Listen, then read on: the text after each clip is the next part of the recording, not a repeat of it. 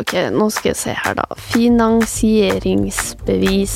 Nå skal jeg prøve å søke og se hva jeg kan få, da. Hva vil du ha lån til? Bolig førstegangskjøp.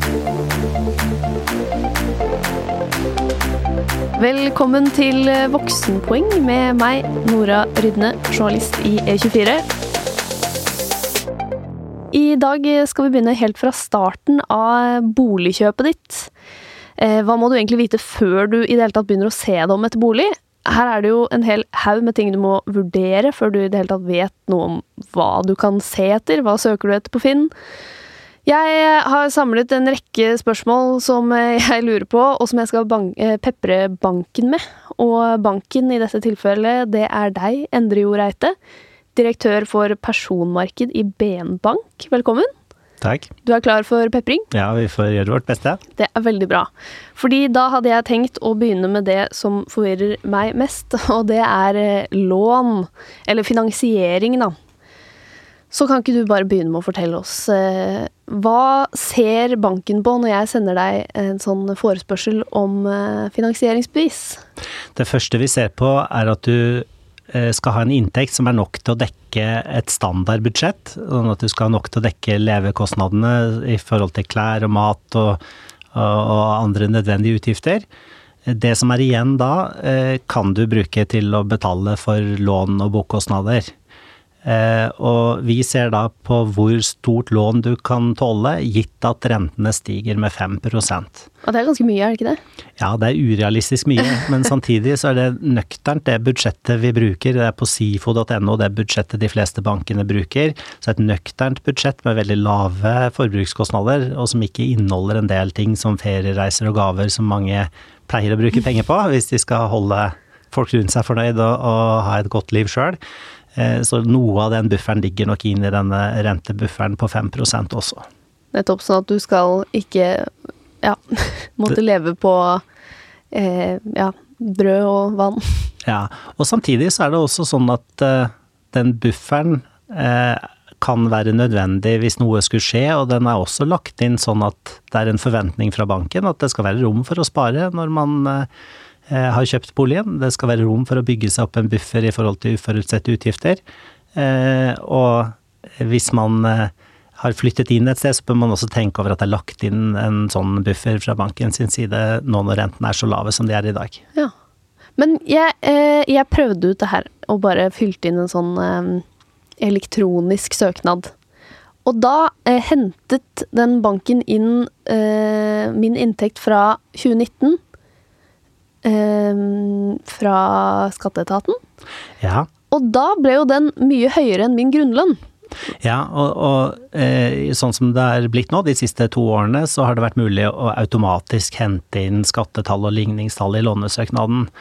Eh, en av de utfordringene man har, er jo nettopp det med at bruttoinntekten som, som er beregna fra ligningen, kan være mye høyere enn det man faktisk har i fastlønn. I bankene så var de før veldig forsiktige, så de la bare til grunn fastlønnen din, men i veldig mange yrker, eh, som f.eks. journalist og også sykepleie, så er det så mange faste tillegg eh, som ligger ganske fast over, over tid, så banken hensyntar også normalt noe av det. Eh, noen ganger tar de en liten sikkerhetsmargin og trekker fra kanskje en tredjedel av de litt mer variable inntektene du har, og de vil også se på om du har hatt stabil inntekt over tid før de velger hvilke inntektsgrunnlag de legger til grunn i låneberegningen. Nettopp. Men får du mer lån hvis du har fast jobb? Fordi det er jo veldig mange nå som jobber midlertidig, i hvert fall i de bransjene du nevner her, journalistikk og sykepleie. Det, for det har jeg alltid hørt, at det er sånn du kan bare drite i å kjøpe deg bolig mens du er midlertidig ansatt. Gjelder ikke det heller lenger? Nei, har du hatt stabilt inntektsnivå over tid eh, gjennom eh, vikariater eller eh, andre typer kort stillinger, eller f.eks. som selvstendig næringsdrivende, så vil banken også kunne legge det til grunn. Men der vil man også legge til grunn en sånn sikkerhetsmargin, trekke fra litt pga. den ekstra usikkerheten som er hvis man går på korte oppdrag, eller hvis man har korte ansettelser. Men det er sånn som du sier, så store grupper eh, som har stabil inntekt, men korte arbeidsforhold, at man kan ikke ekskludere alle dem fra boligmarkedet bare fordi de ikke har en evigvarende ansettelseskontrakt, eller i hvert fall evigvarende når man er ung, da. Ja, hyggelig. Men er det litt skummelt òg, eller? Det er litt skummelt òg, for det blir sånn at du faktisk da vil sitte med en informasjon og kunnskap banken ikke har, når du går inn i samtale med banken. For kanskje du vet at det er litt mer utrygt med inntektene fremover. Eller kanskje du vet at virksomheten du er i ikke kommer til å bruke så mange midlertidige ansatte. Det vet ikke banken. Så banken legger da til grunn eh, den historiske inntekten din og slår av litt for kjente, men du kan sitte med informasjon som gjør at du ikke burde fått lånet, og som det er viktig at du er åpen med om banken, sånn at du ikke ender opp med å få for mye lån. Nettopp. For da, da skjer hva? Da ta, kommer de å ta boligen din? Ja, utfordringen er jo at eh, eh, til syvende og sist så kan jo det skje, det skjer jo veldig sjelden, men det er ekstremt dyrt å være fattig. Det er ekstremt dyrt å komme bakpå med regninger. Eh, Inkassogebyrer og annet eh, kommer til å gjøre at det blir krevende, og det blir krevende midt oppi en situasjon hvor du kanskje da har en utrygg jobb eller må lete etter ny jobb, så det er det siste du trenger å kjøpe en bolig du egentlig ikke har råd til. Nettopp. Og så er det jo noen krav der også. Du må ha en viss andel av eh, egenkapital. Ja. Og det eh, Hvordan er den nå? Du må ha 15% av uh, den totale verdien av leiligheten du skal kjøpe, inkludert eventuell fellesgjeld. Det må du ha i egenkapital. Nettopp. Og da må du ha spart opp det i penger, eller så kan du også være så heldig at du har noen som kan stille sikkerhet i sin bolig eh, for deg, for å dekke opp for det kravet. Eller det kan jo hende at du til og med har muligheten til å få eh, gaver eller bistand fra foreldre eller eh, besteforeldre eller andre. Nettopp. Men hvis du ikke har det egenkapitalkravet, det er, no, det er noen som slipper unna der, er det ikke det? Du kan, eller banken kan være litt grei med deg? Ja, vi har en kvote vi kan være grei med. Eh, så bankene har en mulighet til såkalt fleksibilitet i forhold til det kravet. Men hvis du skal komme gjennom det nåløyet at banken velger å strekke seg ekstra for deg, så må du da tenke på at det må være noe særskilt med deg som gjør at banken har ekstra god tro på at det går bra med deg. Hmm. Hvordan, eh, hvordan, skal jeg overbevise dere om det? For meg så ville det viktigste være om du har vist at du klarer å spare det du kan over tid sjøl. Så hvis du har klart å spare mye i forhold til inntekten din, altså hvis du gjennom studietiden har klart å spare fast noen hundrelapper i måneden til tross for at du egentlig har hatt veldig lav inntekt, eh, og når du kommer ut i arbeidslivet har vist at du klarer å spare mye av det du eh, har rom for i økonomien din, eh, så ville det være viktig for meg i forhold til å ville strekke meg de ekstra prosentene for å hjelpe deg i mål med å kjøpe leiligheten. Ja. For hvis jeg veit at du er flink til å spare når du har lite, og er flink til å holde på en spareplan, så vil jeg være ganske sikker på at du blir en god kunde hos meg. Og da vil det telle mindre om du har 9% eller 11 eh, egenkapital, eh, og jeg vil være villig til å bruke av kvoten min på å hjelpe deg i mål. Ok, men hva hvis jeg eh, ikke er så god til å spare, men jeg har ganske høy inntekt, da? Ja, jeg tenker jo Noen banker syns sikkert det er kult, fordi de har lyst til å gi lån til folk som tjener mye penger, men jeg tenker jo at det å tjene veldig mye og bruke veldig mye, er kanskje egentlig den siste typen kunder jeg har lyst på. Mm. Fordi at de vil alltid klare å bruke alt de har, og vil, eh, vil eh, ha, klare å få økonomiske problemer til tross for at det egentlig kanskje skulle være umulig. Ok, så hvis jeg skal være i den inntektskvota di, så dukker jeg ikke opp hos banken i den nye Teslaen min med veldig dyre klær? Nei, hvis du kommer med nye billøkler og ingen egenkapital og skyhøy inntekt, så det burde vært rom for å spare i mange år, så vil jeg nok heller lure litt på hvor pengene var blitt av, og være mindre villig til å strekke meg for å hjelpe deg.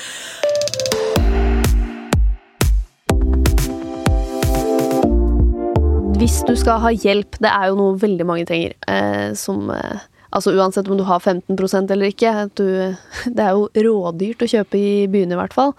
Hvilke muligheter har du hvis du skal få hjelp, sånn utover gaver, da? Den vanligste formen for hjelp er at banken også tar pant og, og, og tar sikkerhet i andre sin bolig, altså foreldre eller besteforeldre sin bolig. Det, det går også an å ta pant i innskudd eller penger som besteforeldre eller foreldre har, hvis de har mye penger sånn på konto. Eh, spesielt for besteforeldre som har opplevd forrige bankkrise hvor folk faktisk måtte betale på andres lån eller eh, fikk krav mot sin bolig fordi de hadde hjulpet andre, så er det med å ha pant i innskudd de har, ofte noe de foretrekker fremfor å ha pant i boligen sin. Ja, for hvis du har pant i bolig, da er det sånn at hvis jeg ikke greier å betale lånet mitt, så kommer de og Ja, det, allerede fra du begynner å misligholde lånet alvorlig, altså allerede fra du begynner å ha fått den andre purringen din, så skal faktisk den som har kausjonert, som det heter for lånet, og stilt sikkerhet i sin bolig, få varsel om at du har økonomiske problemer. Så allerede da kan det begynne å bli ubehagelig mm. å ha kausjonist. Så da får de kopi av purringen din. Og så begynner de å ringe deg hvis du ikke har vært åpen med dem om at du ligger litt bakpå med lånet, og så blir det plutselig eh, eh litt ubehagelig. Um, det som pleier å skje, er jo at kausjonisten da sammen med den som skylder oss penger, finner en løsning. Mm. Uh, I ytterste konsekvens så vil eh, boligen du har bli solgt, og så vil resten av kravet inntil det beløpet de har kausjonert for være noe vi vil eh, be dem om å gjøre opp og betale, eller eventuelt å låne opp for å finansiere. Så er det kanskje en prat du burde ha med foreldrene eller besteforeldrene dine før de kausjonerer, eller? Jeg føler ja. at det er veldig mange som bare gjør det veldig lett. Ja, det er, det er lett å, å, å, skrive på et papir, og vi har vært gjennom en periode med boligprisvekst som har gjort at det er nesten ingen kausjonister som har sittet med noe regning eh, etter å kausjonere, for leilighetene som de har kausjonert for har steget så fort i pris at det har gått bra. Eh, så vi har på en måte glemt hvor farlig det kan være. Og nå når boligprisene eh, er litt mer usikre, hopper litt opp og kanskje kommer til å falle litt ned igjen nå, så er kausjon en risiko, og det er også en risiko man blir sittende med lenge. De fleste som kausjonerer tror de gjør det for noen få år men over halvparten av kausjonistene er fortsatt kausjonister etter ti år. Men hvordan får du ut kausjonisten din, egentlig? Eh, Normalt så må du faktisk da, når du har betalt ned eh, lånet ditt, eller eh, boligen din har steget nok i verdi, kontakte banken og be om det. Ja. Um, og det er jo en av grunnene til at det ofte kan være lurt å skille, skille lånet, dele lånet i to.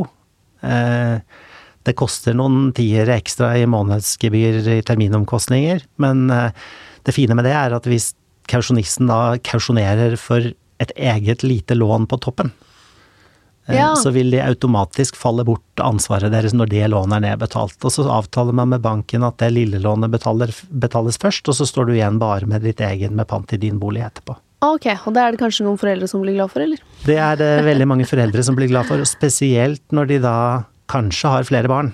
Ja. Um, for en av de problemene mange støter på, er at de har mulighet til å kausjonere for barn nummer én, og så tenker de ikke over at eh, banken må regne på om de har råd til å tåle kausjonsansvaret sitt, og så blir det problemer når barn nummer to eller tre kommer.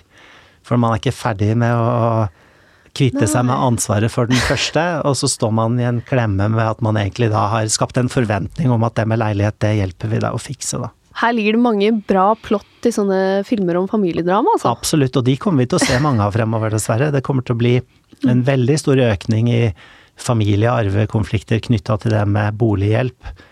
Eh, rett, rett, og slett også fordi hjelper du to barn med samme beløp, men med 10-15 års mellomrom, så er det jo egentlig ikke samme hjelpen. Eh, var det ment som en gave, eller var det ment som arv? Mm. Alle de tingene kommer vi til å få veldig mye diskusjoner om i, i norske hjem fremover. Ja, det blir artig. Men, eh, men uh, mulighet nummer to, da, for nå hørtes dette plutselig veldig mørkt ut. Hva, du har også medlåntaker. Ja. Hva er det? Og medlåntaker, det bruker banken eh, å kreve hvis du ikke har råd til å betale månedskostnadene på lånet, inkludert disse fem prosentene i renteøkning. Så det er ikke hvis du mangler egenkapital, men det er hvis du da ikke klarer å, etter bankens beregning, ikke klarer å betale lånet sjøl. Hvordan regner de på det, da? Det er jo da at du ikke har nok penger igjen etter livs, eh, livsoppholdskostnadene dine til å betale rentene på hele lånet du trenger, hvis renta skulle stige 5% men er det da vanlig at det er to som betaler på lånet, eller er det en sånn inngangsbillett? Utfordringen med begrepet medlåntaker er at man tror at det er noe mindre og et mindre ansvar enn å være låntaker på lånet, men man er likestilt. Mm. Så begge som skriver på, har da samme ansvar for hele lånet de har signert på. Eh, og da er det viktig å utfordre banken på hvor ille regnestykket er, og hvor lenge det kommer til å være ille. Hvis du har varig lav inntekt, og kjøper en ganske dyr leilighet med en medlåntaker, så vil vedkommende bli sittende fast med ansvaret for lånet ditt helt til mesteparten av det er nedbetalt. Okay. Og det kan jo bli en 30 års forpliktelse.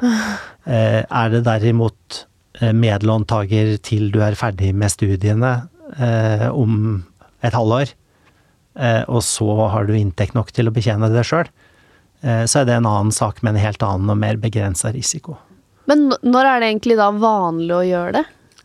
Nei, det, det er dessverre eh, vanlig å gjøre det i begge tilfeller. Heldigvis mest vanlig for studenter og unge. Mm. Eh, en ting de som da er medlåntaker for studenter og unge bør tenke på, er at man eh, bør eh, sjekke med et forsikringsselskap og, og ta ut en uførepensjon og uføreforsikring i den perioden. Eh, Ellers kan du også bli sittende med ansvaret for det lånet for alltid hvis noe forferdelig skulle skje da med, med, Ja, altså hvis med man ikke får barnet jobb. ditt. Ja. Ja. Eller Um, ja. Så, så, så det skulle skje noe som gjør at den ikke kommer ut i arbeidslivet som planlagt. Det kan virke som en dyr forsikring. Det er jo veldig mange selskaper som selger sånne forsikringer. Det kan virke som en dyr forsikring hvis du regner på den som en kostnad for livet, men hvis du regner på den som en ekstra kostnad i noen måneder, et halvår eller et år, mens man er i en situasjon hvor, eh, hvor man kan eh, ende opp med et livsvarig låneansvar for det lånet, så kan det være en, en rimelig forsikring å ta ut. Men når, du forklarer meg det nå, så høres det jo utrolig lite smart ut å ta, kjøpe bolig med medlåntaker. Men er det noen tilfeller der det er smart? Det er jo superbra for den som har lav inntekt, kanskje snart får høyere inntekt, og som kommer raskere inn i boligmarkedet, og som Ja. får kjøpt noe raskt. Eh, hvis vedkommende har tenkt å bli boende lenge, og hvis det ordner seg sånn at den kan ta over hele lånet. Eh, Nettopp. det er kanskje ikke like smart for den som skriver under som medlåntaker. Eh, og i hvert fall ikke smart hvis det er en situasjon hvor man blir sittende med låneansvaret for alltid. Eh, fordi man ikke, det ikke er nok inntekt til å betjene det uten din hjelp. Eller hvis den leiligheten man kjøper er noe som man kanskje ikke skal bo i så lenge. Mm, nettopp. Ok. Så eh, hva vil du hvis, jeg skal, hvis jeg skal få hjelp inn på boligmarkedet, da, hva vil du anbefale? Jeg ville anbefale først og fremst å prøve å prate deg gjennom nåløyet i banken med din egen sparing. Ja. Um, dernest uh, kausjon hvis du mangler noe og ikke klarer å prate deg inn på avvikskvoten eh, og mangler egenkapital. Uh, og hvis du trenger medlåntaker i en periode pga. at du, inntekten din kommer til å stige snart, Ja, sånn at jeg vet det. så, sånn at du, du, vet ganske, du vet sikkert at den kommer til å stige fordi du blir seniorjournalist eller Oh. noe sånt straks, eller uh, visepresidentjournalist eller noe sånt om, om noen måneder. Um, så kan man bruke medlåntaker, men da også kan man tenke over om trenger de å være medlåntaker på hele lånet, eller Mm. trenger de egentlig bare å være medlåntaker på litt? Ja, for når du har medlåntaker, da, eh, da tror jeg jeg har misforstått rett og slett hva det var. For da tenkte jeg at det bare var en sånn sikkerhet, litt som kausjonist. Men da regner du faktisk med at det er to som skal betale på det lånet. Ja, det gjør man, og ofte ja. så er bankene litt utydelige på å fortelle hvor mye de regner at hvem skal betale. Ja, banken. Så det hender at man må spørre, stille et ekstra kontrollspørsmål. Er det, er det egentlig jeg som skal betale og mor som skal hjelpe med noen hundrelapper hvis renta øker? Eller er det lagt inn et regnestykke som viser at mor må betale 2000 i måneden fra dag nummer én? Ja, Så jeg må rett og slett være litt tøff i trynet i jeg er i banken? Man må nok innimellom det. Hvis man ikke føler at man får klare svar, så må man innimellom være flink på å utfordre Ja. eh, tilbake. For, for banken kanskje? er trygg hvis den har to medlåntakere, og Ja, ja, ja. mamma har masse inntekt, og du har ingen, men har lyst på leilighet. Ja, nettopp. Å, jeg glemte å spørre om en ting her. Eh, for dette lurte jeg også på. Nå er vi litt tilbake til dette at jeg har prøvd tusen ganger å se hva jeg kan få i lån. Eh, og sånn elektronisk så funker jo ikke det kjempebra. Eh, men jeg legger inn da at jeg har 300 000 i studielån. Mm. Ja, det er gøy å studere. eh, blir det liksom Kan jeg da låne 300 000 mindre enn eh, hvis jeg ikke legger det inn? Ja, eh, du, det teller med i beregningen av hvor mye lån du samlet sett kan få. Eh, men det er absolutt Det er den eneste typen gjeld som banken Hvis man da også kommer mot yttergrensen av hvor stort lån banken kan gi, så er det den, eneste typen gjeld som banken ser mer positivt på, eller som de i hvert fall ikke ser negativt på. Ja. Det er innebygd forsikring i, i studiegjelden din, sånn at du Mm. har eh, muligheter til å få betalingsutsettelse, også rentefritak, hvis du skulle miste jobben. Ja. Den er personlig, så det er liksom Den er din og bare din, og det er ikke noe problem hvis du skulle falle fra, så faller gjelden bort. Eh, og den har også over tid veldig lav rente. Eh, Ja. Så selv om renta kanskje ikke er den laveste nå, så over tid så er det et kjempegunstig lån. ja, for den skal vel ned nå snart, og nå Ja, sitter henger, jo vi og den spiller henger inn i litt juli. etter, men den er veldig, veldig billig over tid. Så, Ja. så eh, om det kommer mot yttergrensen av hvor mye lån du kan få, så er det den beste gjelden du kan ha ved siden av, ved siden av eh, boliggjelden. Eh, og en gjeld som bankene absolutt ikke er noe negativ til, og som, som, som vi du absolutt ikke må finne på å innfri, sånn som jeg har hørt at enkelte Ja, sier at de skal gjøre. Ja, fordi jeg har jo nok egenkapital nå til at jeg bare kunne smelle ned det lånet, men det er ikke noe smart. Nei, det, eh, vent i hvert fall til du har betalt ned all annen gjeld først, for du må tenke på at det lånet over tid så er det lånet vi gir deg til boligen din mye dyrere enn det eh, studielånet kommer til å være, og da er det heller ikke disse innebygde forsikringsordningene. Sånn at du må vente til du har betalt ned lånet til oss først, du, og så kan du heller vurdere om du skal betale ned studiegjelden etterpå, hvis det har en eller annen symbolverdi for deg å bli kvitt den. Ja, ikke sant. Sorry, Lånekassen. Det blir ikke noe spenn på dere på en stund. Utover det jeg må betale. Men ja, fordi jeg har jo ikke sant, da sittet og regnet på sånn inntekten min eh, fem ganger. Det er det du kan låne, sånn cirka. Og så har jeg da trukket fra 300 000 på studielånet, men det blir ikke riktig da. Det er ikke sånn uh, dere Jo, regner det? jo den, uh, det må trekkes fra i forhold til hvor mye maksimalt lån du kan få fra oss, og det regnes inn i den samlede gjelden din. Men hvis det er sånn at du havner på 5,05 eller 5,1 og det går opp med betjeningsevne, sånn at du er litt i yttergrensene, så vil det være mye lettere å få avvik fra det kravet òg. Hvis Ja. det du har er studiegjeld. Hvis Ja, det er et billån eller forbrukslån, ikke minst, da, så, så, så vil det heller virke så vi vil gi deg mindre lån, vi. Men studielån er eh, noe som gjør at banken har større velvilje til å være fleksibel, da. Nettopp. Takk, da fikk jeg Det har jeg lurt på utrolig lenge. Eh, men vi var inne på noe her som eh, du skal få kjøre i vår spalte Min kjepphest. Altså det du er fryktelig opptatt av og ikke kan slutte å snakke om, som er din fanesak. Eh, og jeg vet jo hva din kjepphest er, så eh, da kjører vi bare spalten Min kjepphest, Endre. Kjør på. Ja.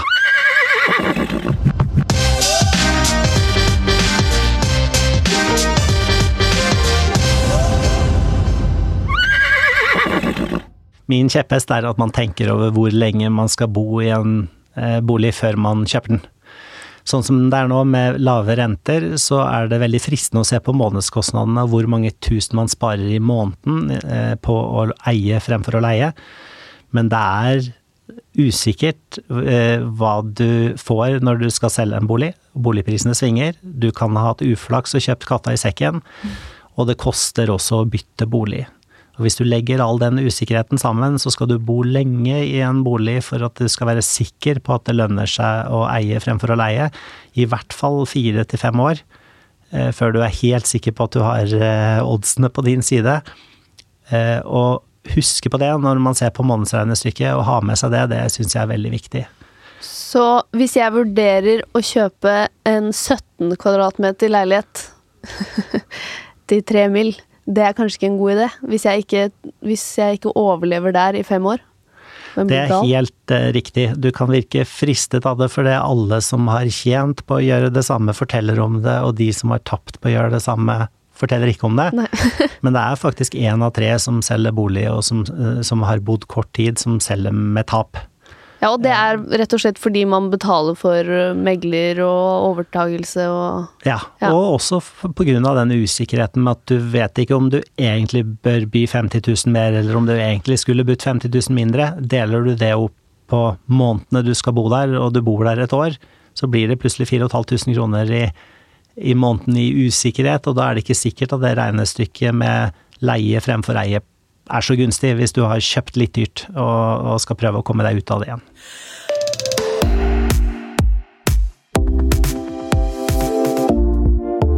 Jeg har jo funnet fram en Finn-annonse her, for å bare eh, minne meg selv om alle de tingene jeg lurer på.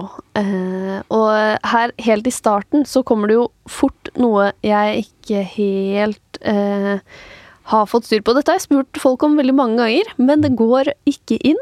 Eh, så nå skal du få den oppgaven. Eh, her er det jo da en leilighet som koster, eller har prisantydning, 3,3 millioner. Ja. Og så har den en totalpris på 3,6 millioner. Og så står det da felleskostnader, felleskostnader i måneden 4002. Eh, hva Hva er forskjellen her? Eller hvordan beregnes på en måte, lånet jeg søker om fra banken, opp mot det lånet leiligheten har? Fordi det kan jo ikke banken til enhver tid vite. Det er jo forskjell fra leilighet til leilighet. Er det sånn da at jeg makser lånet mitt hos dere, og så betaler jeg da eh, en viss sum til dere, og så betaler jeg i tillegg de fellesutgiftene? Eller blir det slått sammen på en måte, eller eh. Det, det er ikke så rart at man blir litt forvirret over det her, for i borettslag så er det jo det er to låneforhold. Borettslaget kan låne hos én bank eh, for å f.eks. dekke oppussing og, og heisinstallasjoner og bygge balkonger og tette tak.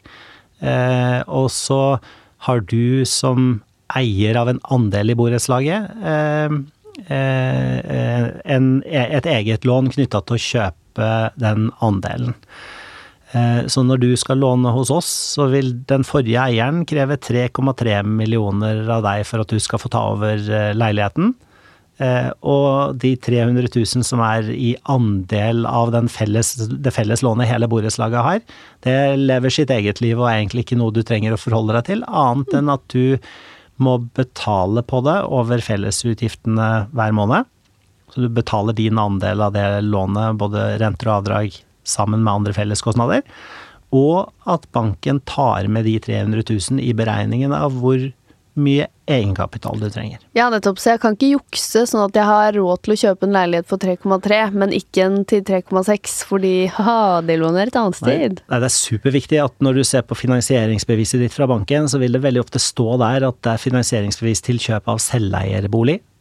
Ja. Eh, og grunnen til det er at du da må sammenligne det finansieringsbeviset med totalprisen på leiligheten.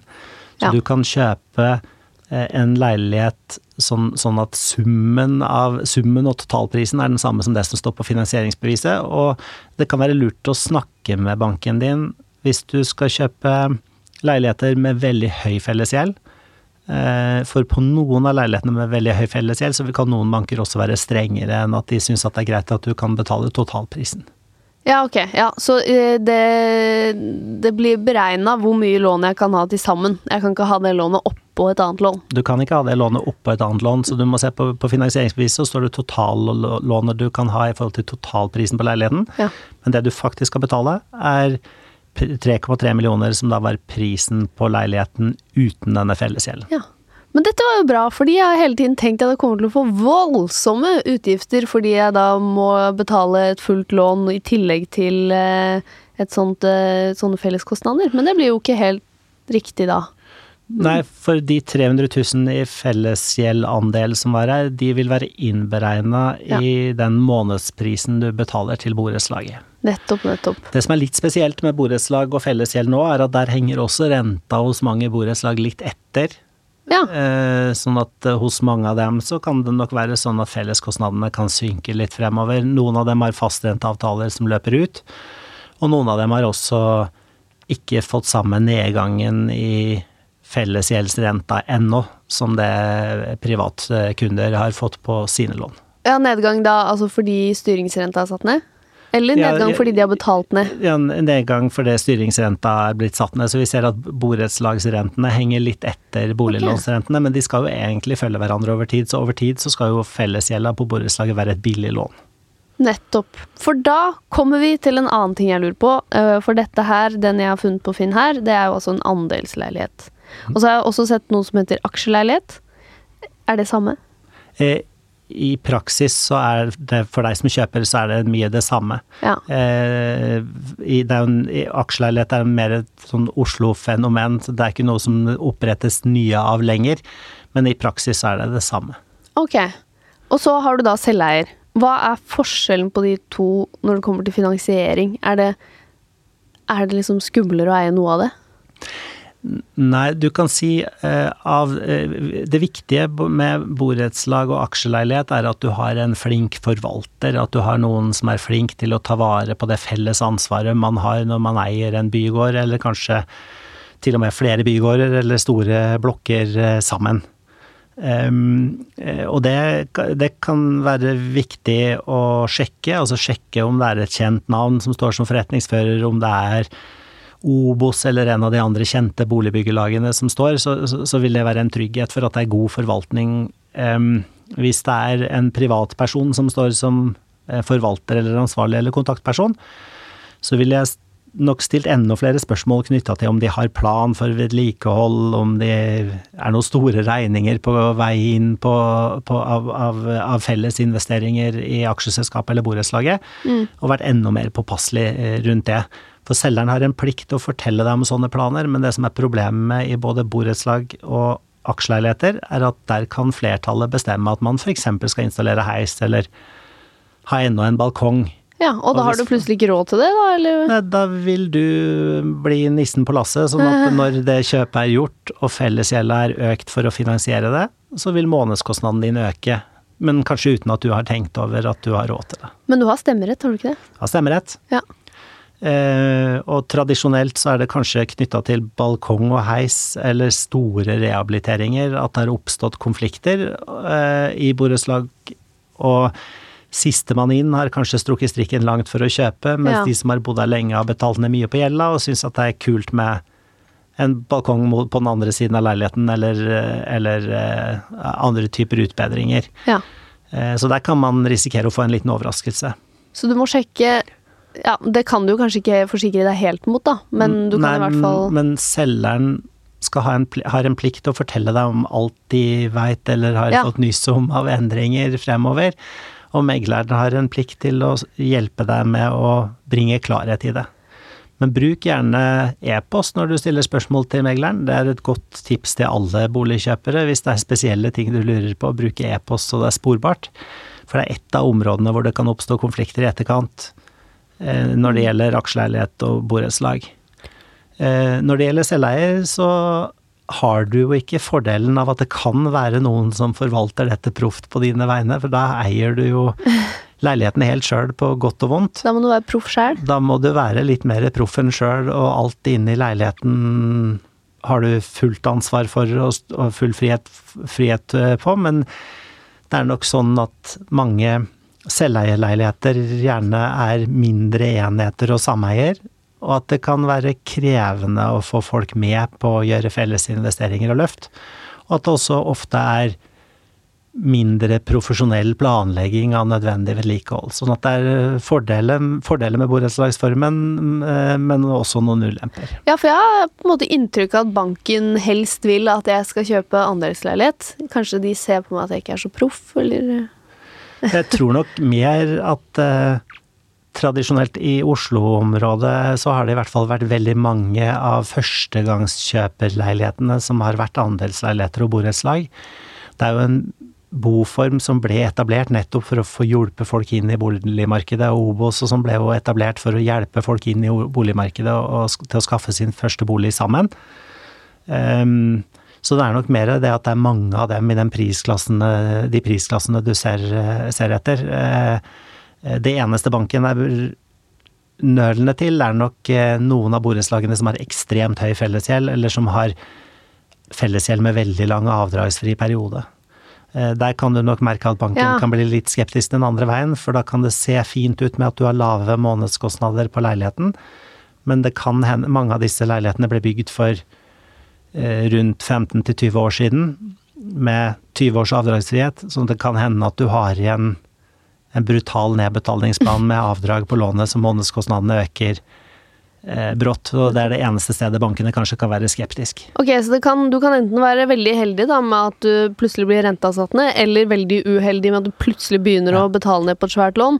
Eh, men dette kan du sjekke, eller? Dette kan du sjekke. Det skal stå i prospektet og i oppgaven, og det kan også være nyttig som sagt å sende en mail om det. Er det, er det avdragsfri fellesgjeld, så spør gjerne om når det løper ut. For selv om nedbetalingen av fellesgjelden jo egentlig er til gode for deg, fordi den betaler ned på det felles ansvaret ditt i borettslaget. Hvis det ender opp med å bli en så høy månedskostnad at du ikke har råd til å betale den, så hjelper det lite at det er avdrag. Mm. Hvis du plutselig har 5000 mer å betale i måneden og du ikke har 5000, så hjelper det lite at det er avdrag, så, så gjelda synker. Ja, nettopp. Ok, så det er Men med selv, selveier, hva annet er det som er problem... Eller eh, som du må ta ansvar for, da? Eh, er det noe annerledes når du kjøper? Nei, med, med selveier så, så, har man jo ansvaret sammen i sameiet der man bor for å, å sikre vedlikehold, så der ville det nok være mer fraværet av god planlegging som kan gi deg noen negative overraskelser. Og, Ja. og så vil det også være det at man har ikke muligheten til å ta opp dette lånet sammen for å finansiere ting. Ja, du må gjøre det selv. Så, så man må på en måte gjøre det sjøl og låne opp sjøl og betale Mm. inn penger sjøl hvis man skal gjøre store investeringer. Men er det sånn da at du burde liksom, hvis du kjøper en selveier, da burde du legge inn en slags buffer i, tille, i tilfelle noe svært skjer som du må fikse helt alene? Ja, man, man bør uansett legge inn en sparing eller en buffer på en tusenlapp eller to eh, i måneden i forhold til nødvendig vedlikehold på leiligheten. Eh, så det vil jeg absolutt anbefale. Men det, og det er mye det å sjekke om store, dyre ting er gjort i det siste, og ikke minst sjekke om det fins noen planer for ting. Eh, og sjekke der også om man har samarbeid med noe vaktmesterfirma eller andre, om man har proffe folk på saken, eller om det er en gammel bygård hvor han i første pleier å sjekke om grunnmuren holder, og den som er på loftet har ansvaret for å sjekke om taket holder, og om det virker litt uproft. For da kan du ende opp med mm, en utfordring hvor du må tilbake til banken for å betale din andel av oppussingen. Nettopp. Jeg gikk jo, jeg tråler jo Finn ofte, både i jobb og fordi jeg lurer på hva jeg driver med. Eh, eh, da dukker det noen ganger opp noe eh, som heter Eller de reklamerer veldig for det, at det er ingen dokumentavgift. Ja, Hva- og det, det er jo en av de fine fordelene med, med aksjeleiligheter og borettslagsleiligheter. Det er jo egentlig da fellesskapet som eier bygningen. Og du får kjøpt en andel og en borett til å bo i en av leilighetene i, i borettslaget, eller, eller en boligaksje med, med rett til å bo i en leilighet. Ok, Så det er egentlig ikke noe å reklamere for? Altså Hvis det er en borettslag, så er det dokument, så er det ingen dokumentavgift? Det er ikke da, da betaler du egentlig bare en avgift til forretningsføreren for å, å skrive over leiligheten på deg, sånn at da slipper du å betale dokumentavgift til staten. For, um, og på noen leiligheter hvor det står ikke dokumentavgift heller, så kan det sikkert være eh, at, de da, eh, at de da har satt opp sånn at det er lave kostnader til forretningsføreren, men det, men det er en fordel som gjelder alle, alle leiligheter som da eies gjennom et aksjeselskap eller borettslag. nettopp. Men selveier, da må du uansett betale dokumentavgift. Og det er ganske dyrt, eller? Ja, det er jo en avgift på 2,5% til staten, sånn at det blir jo ganske dyrt. En av de tingene som kan være en utfordring for noen, er jo at de ikke har planlagt for at det er en kostnad som banken har lagt opp til at du skal betale med din egenkapital. Å ja! Eh, For det må du betale med din egenkapital? Ja, for det må betales med en gang, selvfølgelig. for banken kan, kan, kunne jo teknisk sett ha lånt det til deg hvis du har kausjonist eller noe, men hvis Oh. du har egenkapital, så regnes jo egenkapitalen av verdien på leiligheten, og ikke verdien av leiligheten inkludert omkostninger. Så når banken regner hvor mye egenkapital du trenger, så trenger du de 15% pluss kjøpsomkostninger. Ah, så det er derfor det er mange førstegangskjøpere som ikke skal ha seg selveier? Det hender nok at noen, at noen førstegangskjøpere tenker at det er lurt å kjøpe med lavere omkostninger. Ja. Eh, og det hender også at noen får en liten overraskelse når de da eh, ikke skjønner helt hvordan banken har regna sine 15% og tenker at det er av hele summen inkludert omkostninger. Og så, eh, når oppgjøret skal gå, så blir det plutselig noen titusenlapper eller noe som mangler, da. Ja. Nettopp. Så ja, førstegangskjøpere må tenke på litt flere ting, rett og slett, av Ja, seg selv. men her, her skal en fornuftig bank også være flink til å hjelpe dem med råd, og veldig mange banker har egne team og eksperter også som jobber med oppfølging av folk som er på boligjakt og førstegangskjøpere. Det som er så fint med banken, er at vi har egentlig, vi har egentlig samme, samme, interesse som um, deg som skal kjøpe, med ett unntak. Altså, vi, vil, vi, ja, vi vil at det skal gå bra. Vi vil at du skal kjøpe det du kjøper billigst mulig, for da har vi best sikkerhet. Uh, og vi vil at det skal gå bra etter at du har kjøpt òg. Ja. Så det eneste forskjellen på oss er at kanskje vil være vanskeligere å få en bank til å si det som jeg sa i sted, med at du kan det kan være mange som ikke burde kjøpe, for vi har jo lyst til å låne ut penger. Ja, men, men, med unntak av det, hvis du først har bestemt deg for å kjøpe, så vil banken egentlig ha samme interesse som deg. Med at du ikke går på noen smeller og får noen overraskelser.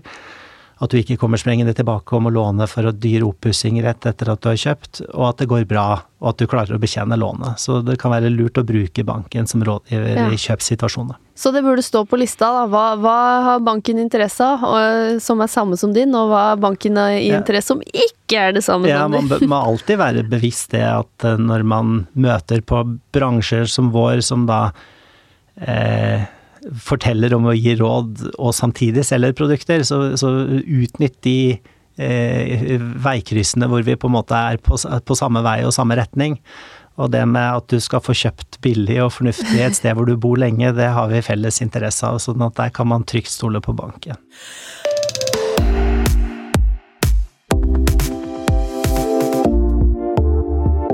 Det var mye info her, eh, så burde jo nesten hatt notatblokk. Men ok, jeg skal kjøre noen av det viktigste jeg har plukket opp, i hvert fall.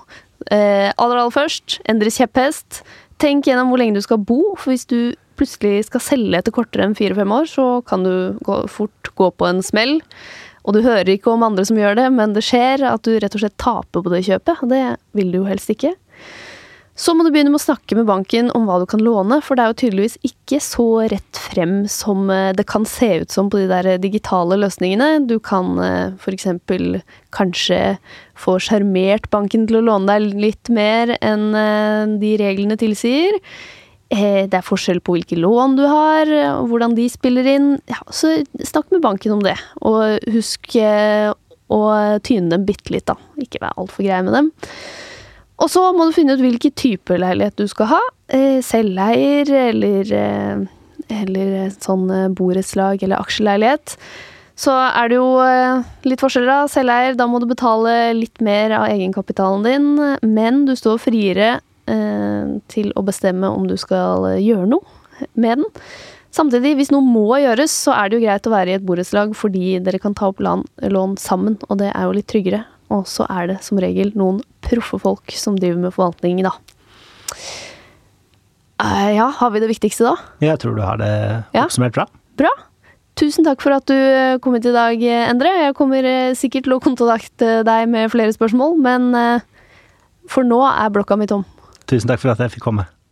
Hvis du har lyst til å se mer innhold fra Voksenpoeng, så er vi altså på Instagram under navnet Voksenpoeng med Nora. Der kan du jo gjøre alt mulig, fra å kommentere hva du syns om podden, til eh, ja, å sende inn hva du syns vi skal ta opp videre i podden. Så eh, følg oss der.